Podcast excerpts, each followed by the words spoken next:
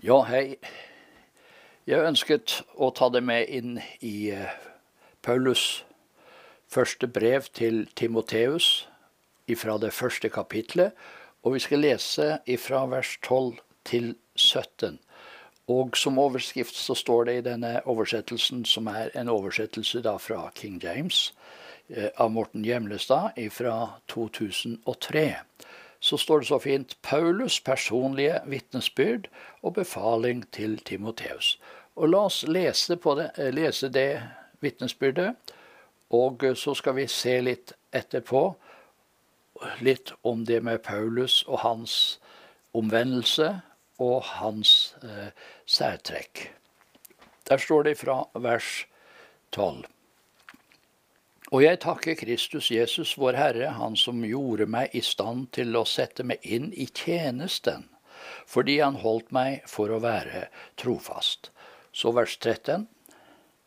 Jeg som før var en som talte blasfemisk, en forfølger og en voldsmann, men jeg fikk barmhjertighet fordi jeg gjorde det i uvitenhet, i vantro. Vers 14. Og Vår Herres nåde ble overmåte stor, sammen med den tro og kjærlighet som er i Kristus Jesus. Vers 15. Dette er et troverdig ordtak, og verdig all mottagelse, at Kristus Jesus kom inn i verden for å frelse syndere, og blant dem er jeg den største. Og så vers 16. Men av denne grunn fikk jeg barmhjertighet for at Jesus Kristus først kunne vise all langmodighet på meg som et forbilde for dem som heretter skulle komme til troen på ham til evigvarende liv. Så tar vi med vers 16, eh, eller 17, det siste der i den sammenhengen.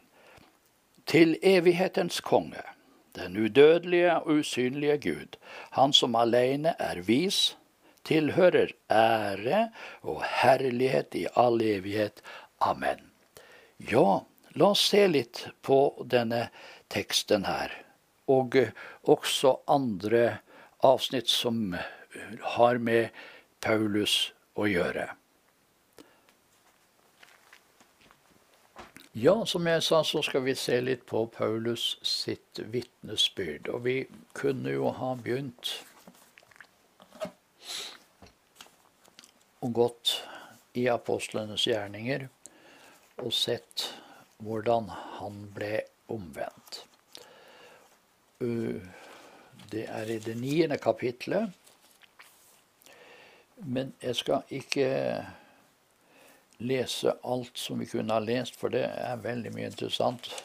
Men eh, der står det ifra vers 1 Saulus, som fremdeles kom med trusler og mord mot Herrens disipler, gikk da til ypperstepresten og ba om brev fra ham til synagogen i Damaskus, slik at han, om han fant noen som tilhørte den, denne veien, enten det var menn eller kvinner, kunne føre dem bundet til Jerusalem. Så du ser, han var voldsomt nikjær.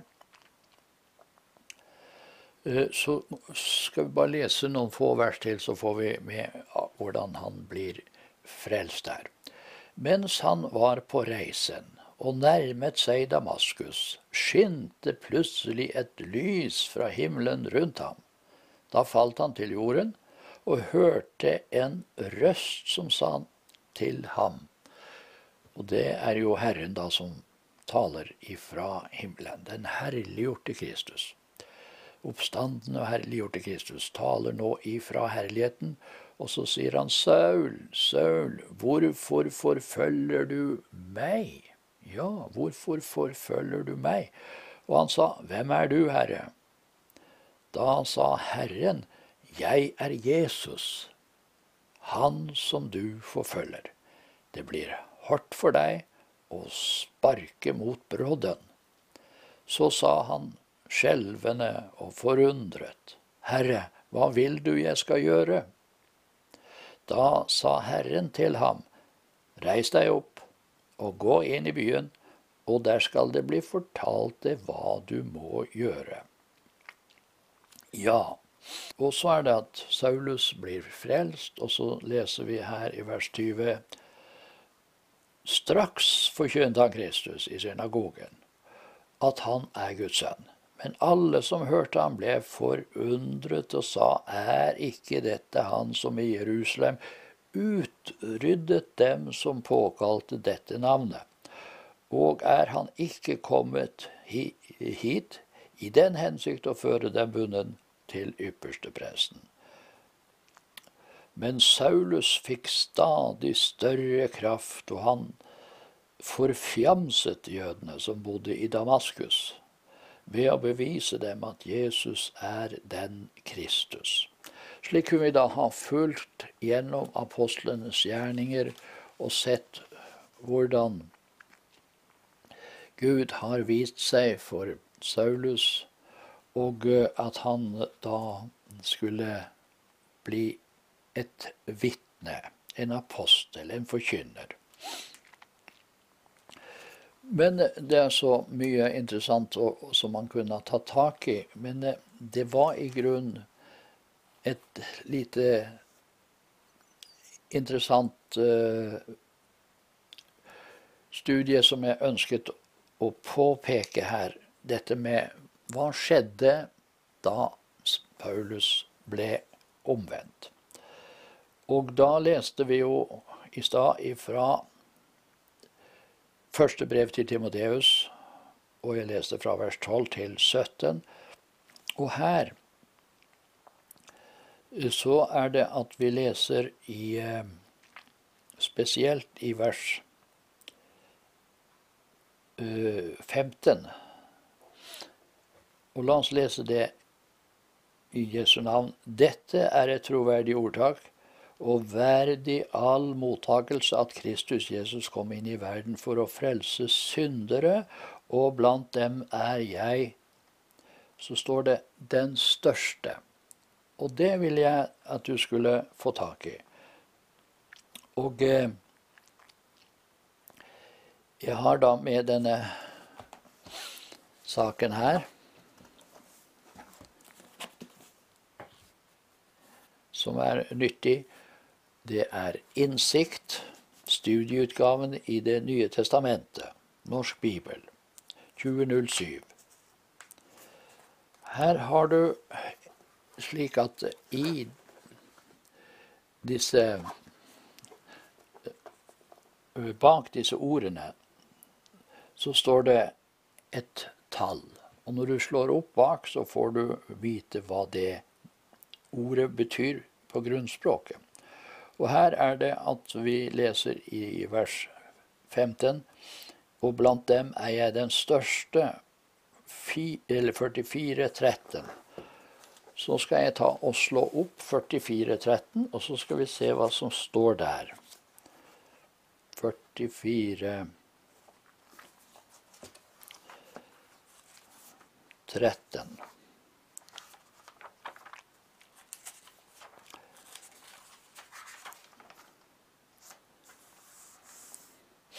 Og der står det følgende Som du kan se her. Får opp, setter det opp her sånn at du også får del i det. Ut ifra hvor det står først brukt i tid. Johannes 5,4, 1. Korinterbrev 15, 45, 47, 2. Tim 4, 16, osv. osv tidligere, før, foregående Og så står det her lenger nede det som jeg ønsket du skulle få tak i. Uh, Apostelens gjerninger 1612 om verdighet og rang. Den første. Og så ser du at her står det sjef, leder. Og det var dette ordet sjef. For hadde jeg nå tatt en engelsk bibel, og sett i den, så vil du se at de bruker chief.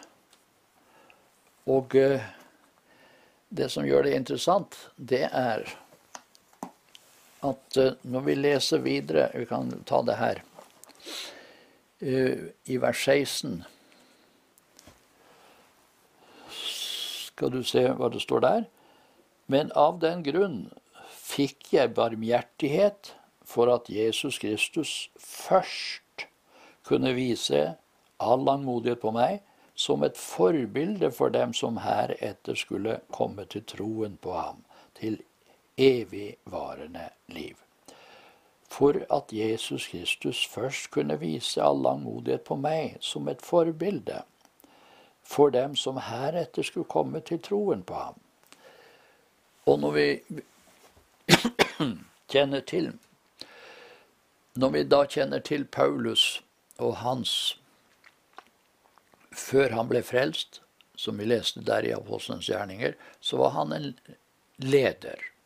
Han var, om du kan bruke det ordet eh, På norsk så er jo det litt uvant å bruke høvding. Men han var altså lederen av de som Og han var den øverste leder. Han var sjefen for de som forfulgte Guds menighet. Og han dro da til Damaskus med brev. da. Han fått autoritet. Han var leder og sjef. Han var høvding, om du vil. Så møter han Jesus der, og så blir han frelst. Og inntil da så var det det jødiske preget av forkynnelsen gjennom apostelen Peter og de andre apostlene, så forkynte de om Guds kongerike. Men nå frelser Gud én, og gjør han til leder, til uh, høvding, om du vil, er den første som blir en kristen som blir frelst i nådens tid. I nådens tid. Paulus er den som kommer med det. For hør nå han uh, sier uh, Jeg skal ta og skal vise deg noen plansjer etterpå. Men noen i Efesebrevet sier i det La oss lese der, fra vers 1 i kapittel 3. Av denne grunn er jeg, Paulus, Jesu Kristi fange, for dere som er av folkeslagene, så sant dere har hørt om Guds nådes frelseshusholdning som er gitt meg for dere, hvordan han ved åpenbaring. Så når Paulus opplevde åpenbaringen av Jesus på veien til Damaskus, så fikk han del og ble åpenbart for han og gjort del i dette som har med mysteriet, ble kjent for meg, slik jeg tidligere har skrevet i korthet. Og det han har skrevet tidligere i korthet, og som tilhører hemmeligheten og mysteriet, det var formingen av dette nye legemet som Kristus ble gitt som hode for. For det leser du om i kapittel 1 i Efeserbrevet. Han, altså Faderen, har lagt alt under hans, dvs. Si Jesu føtter, og så gav han ham til menigheten for å være hodet over alle ting. Han som er, uh, som er hans legeme, eller kropp, som det står her. Fylt av Han som fyller alt i alle. Så Jesus ble altså gitt som hode til legeme, som er menigheten. Kristi legeme. Og eh, da du da hørte han skrev her, at, eh, som han har kunngjort slik tidligere han skrevet i korthet, så er jo nettopp det du leser i det andre kapitlet i Efesebrevet, at han sier i at vi var før, så var vi uten Gud òg. Vi var uten håp. Uh, husk derfor at dere en gang var hedninger. Ja, la oss lese disse versene. Vers 11. Husk derfor at dere en gang var hedninger i kjødet, som ble kalt uomskåren, av den som blir kalt omskåren, gjort på kjødet med hender. Så kommer det så veldig spesielt. At dere på den tid var uten Kristus, utenfor Israels medborgerskap og fremmede for løftes pakter, uten noen håp og uten Gud i verden. Så det var altså den stilling som hedningene befant seg i før, eh, de, før denne åpenbaringen som Paulus fikk.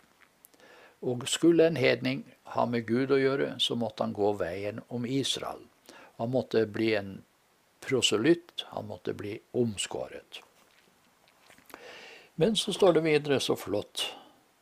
Men, eller vers 12, at dere på den tiden var uten Kristus og uten Eller vers 17. Men nå Veldig fint. Men nå, det har skjedd noe veldig. Men nå i Kristus Jesus er dere som en gang var langt borte, kommet nær til ved Kristi blod. Og så kommer dette som han har skrevet ovenfor med få ord, eller hva han skal vi se helt riktig, slik jeg tidligere har skrevet i korthet. Og da skriver han om hvordan eh, Jesus i sitt kjød avskaffet fiendskapet, dvs. Si budenes lov som er i forordningene, for i seg selv å skape et nytt menneske, eller en ny mann, som det står på engelsk, new man, av de to, og på denne måten skape fred, og, han, og at han kunne forsone dem begge med Gud i ett legeme eller én kropp ved korset, idet han drepte fiendskapet ved det. Og han kom og forkynte fred, da er vi kommet til pinse da, for dere som var langt borte, og fred for dem som var nær ved. For ved ham, altså ved Jesus, har vi begge adgang til Faderen i én ånd. Derfor er dere ikke lenger fremmede, utlendinger, men medborgere med de hellige, og dere tilhører Guds husstand, og dere er bygd opp på apostlene og profetenes grunnvoll, der Jesus Kristus selv er hovedhjørnestein. La meg bare kort si her at apostlene og profetenes grunnvoll, som det tales om her, er jo ikke de tolv apostlene. Det har du kanskje ikke tenkt på. Nei, det er de nytestamentlige apostler. Se f.eks. i Efeserbrevet 4, bare for å belegge det med et skriftsted. Han som steg ned, vers 10 i kapittel 4, er også den samme som steg opp høyt over alle himler, så han kunne fylle alt, alle ting. Og så står det og han gav. Det er jo et vers som er veldig populært i vår tid, å snakke om de femfoldige tjenestene. Men legg merke at det er skrevet i fortid. Han gav. Ikke at han gir, men han gav noen til å være apostler. Så det går jo ikke tilbake til de tolv, som du ser her. Men, eh, og noen til profeter. Og noen til evangelister, og noen til pastorer og lærere. Og så står det hensikten. Hvorfor gjorde han dette? Dette må du huske på at når disse apostler og disse profeter ble gitt, så var ikke Bibelen skrevet, Det nye testamentet. Eh, så de hadde en spesiell åndsutrustning og gave, og eh, både forkynne og lære. Og eh, så står det hensikten var for at de hellige skal bli fullkommengjort til tjenestearbeid, til oppbyggelse av Kristi kropp. Hvor lenge skal dette pågå? Jo, inntil vi alle når fram til troens enhet, og til kunnskapen om Guds sønn, og til manns fullkommenhet, til det mål av vekst som rommer Kristi fylde. Ja, jeg må ikke ta for tid, lang tid å gå inn akkurat på det, men det var bare for å vise dette at mysteriet var denne hemmeligheten at nå er jøder og hedninger forent i ett legeme, som er Kristi legeme, og som Jesus ble gitt hodet til. Og der var altså Paulus den første. Han var sjefen. Han var lederen. Nå skal jeg ta fram disse plansjene ville bare understreke her, slik at vi har det helt klart. Vi skal også ta det med og få det fram her fra innsikt, og også fra denne her. Og så påpeke og eh, tillate meg å skrive litt forandring her. Fra vers 15. Dette er et troverdig ordtak, verdig all mottagelse, at Kristus Jesus kom inn i verden for å frelse syndere, og blant dem er jeg den største. Der ser du at jeg forandrer det til der er jeg sjef. Der er jeg, parentes da, høvding. Og så får du det greske ordet der, og så får du denne innsikt sin fremstilling av det. Så kan du sammenligne det som står i vers 16. Men av den grunn fikk jeg barmhjertighet for at Jesus Kristus først Da har vi det samme først. Eh, så det å oversette den største til den første eh, og gleder, det ser du at de ordene der er beslektet.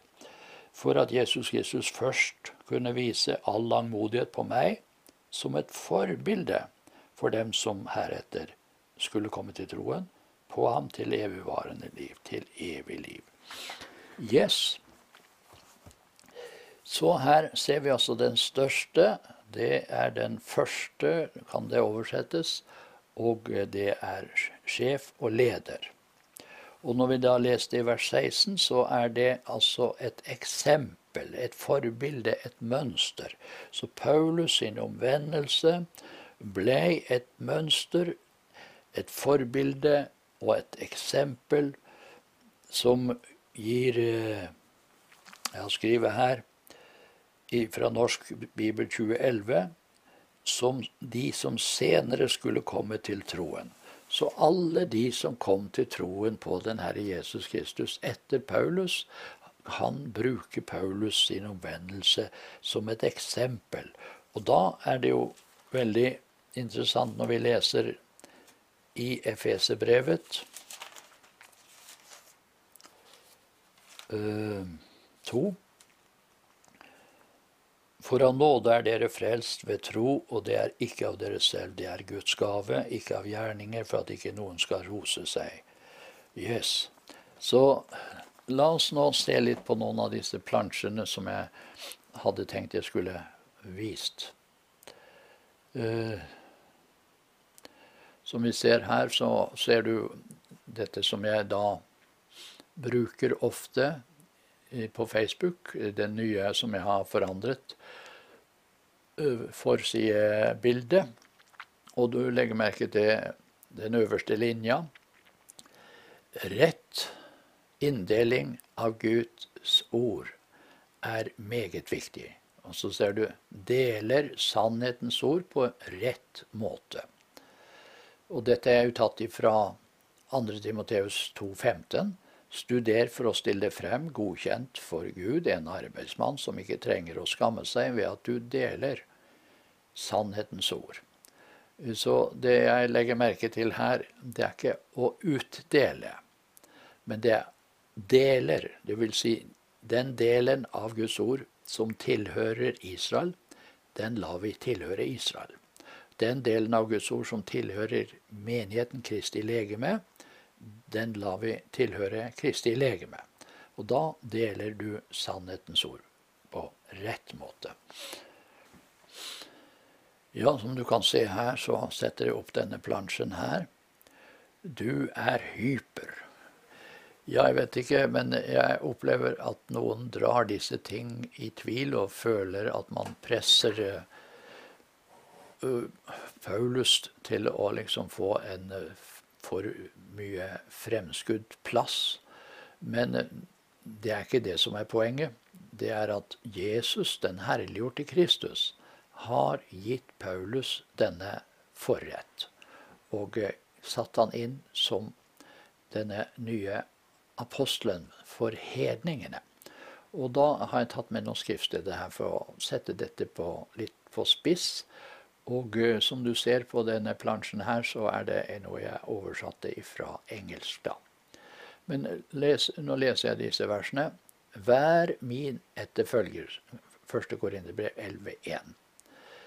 Og så ser du hvor nødvendig det er å få det fram at vi følger ikke etter Paulus, men gjør som Paulus sjøl henstiller oss til, slik også jeg er Kristi etterfølger.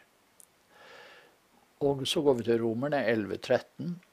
For jeg taler til dere folkeslag. Ettersom jeg er folkeslagenes apostel. Ja, denne plansjen er jo litt spesiell. Den oversatte jeg fra engelsk. Du er hyper. Det ordet er tatt ifra noen som da mener at de som legger vind på å dele sannhetens ord på en rett måte, at de er hyperdispensasjonalister. Eh, Hypersnåden.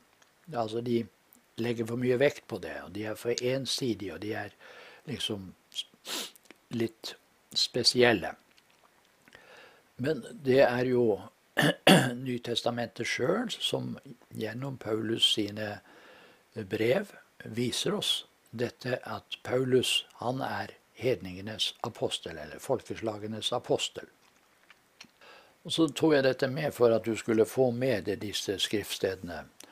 Vær min etterfølger, slik jeg også er Kristi etterfølger. Så vi følger bare Paulus, holdt på å si, i den grad han følger etter Jesus. Så i så måte så er vi Jesu Kristi etterfølgere. Jeg skal også lese for deg Romer 11, vers 13. For jeg taler til dere folkeslag, ettersom jeg er folkeslagenes apostel, opphøyer jeg mitt embete. Og så tar jeg med også det som vi har lest, for å understreke det som vi har påpekt. Dette er et troverdig ordtak og verdig all mottagelse at Kristus Jesus kom inn i verden for å frelse syndere og blant dem er jeg sjef. Det høres jo litt rart ut å si sjef, så eh, størst i den måte at han er øverst, eh, så ser du hva som ligger i det sjef. Han er altså eh, lederen, den første som fikk oppleve dette. Men av den grunn fikk jeg barmhjertighet for at Jesus Kristus først, av det samme ordet, kunne vise all langmodighet på meg som et forbilde, altså et eksempel, for dem som heretter skulle komme til troen på ham til evigvarende liv. Første Tim 1, 15 og 16. Så tar vi med Efeserbrevet 1.3, som vi også leste. Av denne grunn er jeg, Paulus Jesu Kristi fange, for dere som er av folkeslagene, så sant dere har hørt om Guds nådes frelseshusholdning, som er gitt meg overfor dere, hvordan Han ved åpenbaring gjorde mysteriet kjent for meg. Og så tar jeg med fra 1. Korinterbrev 14, vers 7. Uh, eller, ja det, sammenhengen står i vers 7 til 38. Men dette er et av de versene, da. Eh, det jeg skriver til dere, er Herrens befalinger. Men hvis noen er uviten, så la han være uviten. Ja, vi går fram på neste plansje. Denne plansjen her har du sett meg ofte bruke. Og det er for å få fram nettopp dette gule feltet her. Til oss men nå. Og eh, Paulus sin omvendelse, hemmeligheten og Kristi legeme. Og så skal jeg vise deg hvordan hvis Jesus Eller hvis Israel hadde tatt imot Jesus, så ville de ha sett da ville tidslinjen sett slik ut. Da ville de ha gått rett inn i Jakobs trengsel, og Jesus ville ha kommet igjen, og riket ville ha blitt opprettet. Og det jeg går litt fort fram nå, for sånn som denne kan det jo ikke nytte at jeg prøver å beskrive, men bare vise deg at om du ønsker å den, laste den ned og sånn, og studere den, så har du en mengde uh, detaljopplysninger som er felt her. Men du ser også her Guds nådes frelseshusholdning, nåde og fred. Kongedømmet er nå utsatt. Og det er fra romerbrevet til Filemon hvor vi nå har åpenbaringen av dette mysteriet. Og vi vandrer i tro og ikke i beskuelse. Eh, og så tar jeg med Fra den norske så har vi en fin, veldig fin plansje av uh, Aurebekk. Men du ser her legger de vekt på, i denne plansjen, at Paulus evangeliet, det var de syv Eller de setter inn i Paulus sin samtid da de syv sendebrevene i åpenbaringsboken. Og det tror jeg ikke er ordentlig gjennomtenkt av dem. Men ellers så er den plansjen ganske lik det som vi har prøvd å få fram. Men jeg har tatt meg den frihet og flyttet disse til der hvor de hører hjemme de hører hjemme i trengselstiden. Det er jødiske forsamlinger som hører til etter menighetens opprykkelse. Ja, jeg er klar over her var det masse detaljer og mye som du sikkert Iallfall deg som ikke kjenner til noe av dette, virker forvirrende, kanskje. Eh, eller du stusser litt, og du får det ikke helt med deg. Men det er jo fullt forståelig. Men for deg som har sysla med dette og studert litt på dette, så kunne det kanskje være en uh, oppmuntring og en uh, forsterkning kanskje av det som du allerede har sett. Men poenget mitt var at Paulus, han er vårt forbilde. Og vi har hans 13 brever som er gitt oss som undervisning i nådens tidshusholdning. Guds nådes frelseshusholdning.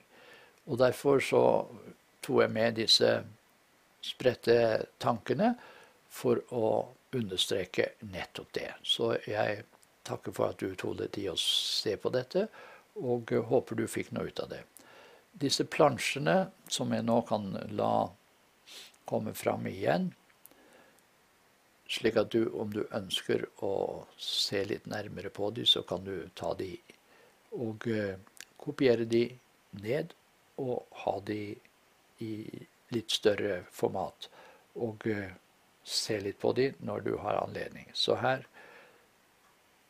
skal vi gå i til begynnelsen. Ja, den var jo den som du stadig ser nå i Facebook. Men så har vi denne her. Den kunne du ta et bilde av og uh, kopiere den. Og så notere deg litt og gå gjennom disse skriftstedene og se om du får tak i poenget der. For dette er ikke hyperdispensasjonalisme. Dette er bare en understrekning av at Paulus han har en spesiell start som gjorde at han ble et eksempel for de som skulle komme etter han. Og så har vi denne plansjen her som viser tidslinjen nede. Det er jo hedningene. Og fra da fram til eh, til eh, den, skråstrek, eh, den linja som skrår oppover, fram til Israel, altså Abrahams omvendelse, så var det hedningene og ett språk. Og så kom Babels forvirring, og så kom Abraham og blir eh, tatt ut og blir et redskap, og ut gjennom han så kommer da Israels nasjon. Og eh, vi får da Moses og loven og David og løftet om kongeriket. Og eh, Kongedømmet blir da profetert. Kongedømmet er for hånden ved Jesus og de tolv. Og kongedømmet blir tilbudt igjen etter pinsefestens dag. Men som du ser, så blir jødenes fåtallighet de, Jødenes fall blir et faktum. Og eh, frelsen kommer nå til hedningene, og da har du det gule feltet, som da er Kristi legeme som tas ut. Og dette med nåden og freden, frelst av nåde ved tro, og er rettferdiggjort pga. Jesu blod og hans oppstandelse. Så blir det bortrykkelsen, og så kommer trengselen. Og så blir kongedømmet etablert i tusenårsriket. Og eh, vi påpekte at dersom Israel hadde vendt om, så ville dette som du her ser, vært resultatet. Og eh, det er bare for å få fram at tilbudet til de, Guds kongedømme er for hånden, var jo reelt fordi kongen var der. Men kongen ble jo korsfesta. Og tilbudet om kongedømme ble igjen uh, forkastet ved at de steinte Stefanus. Og dermed så ble dette utsatt, og Guds nådes frelseshusholdning kom inn som en parentes. Men når dette er da fullendt, at Kristi legeme er tatt ut, og det blir rykket opp, så starter Israel sin tid igjen. Og denne plansjen den må du laste ned, for der har du et veldig studie og mye du kan ta tak i. Veldig detaljert, men når du går gjennom mønsteret der, så vil du etter hvert kunne se gangen i det, og ved disse henvisningene og de bemerkningene så gir deg dette et veldig godt bibelsk studie for å skjønne dette med nådens plasseringen av nådens tidshusholdning. Og at menigheten i åpenbaringsboken ikke har med hedningenes fylde å gjøre, har ikke noe med uttagelsen av Kristi legeme å gjøre, har jeg fått fram ved at jeg flytta de dit. Der tror jeg de hører hjemme. Vel, da vil jeg, Ivar Helmersen, takke deg for at du tok deg tid og så på dette litt uh, uvante fremstilling, kanskje. Og litt, um, skal vi si, litt tungt stoff. Men for deg som ønsker å få tak i disse detaljene, så håper jeg at jeg kunne være med og bidra til det i Jesu navn. Takk for at du tok deg tid og så på det, og alt godt i Jesu navn. Amen.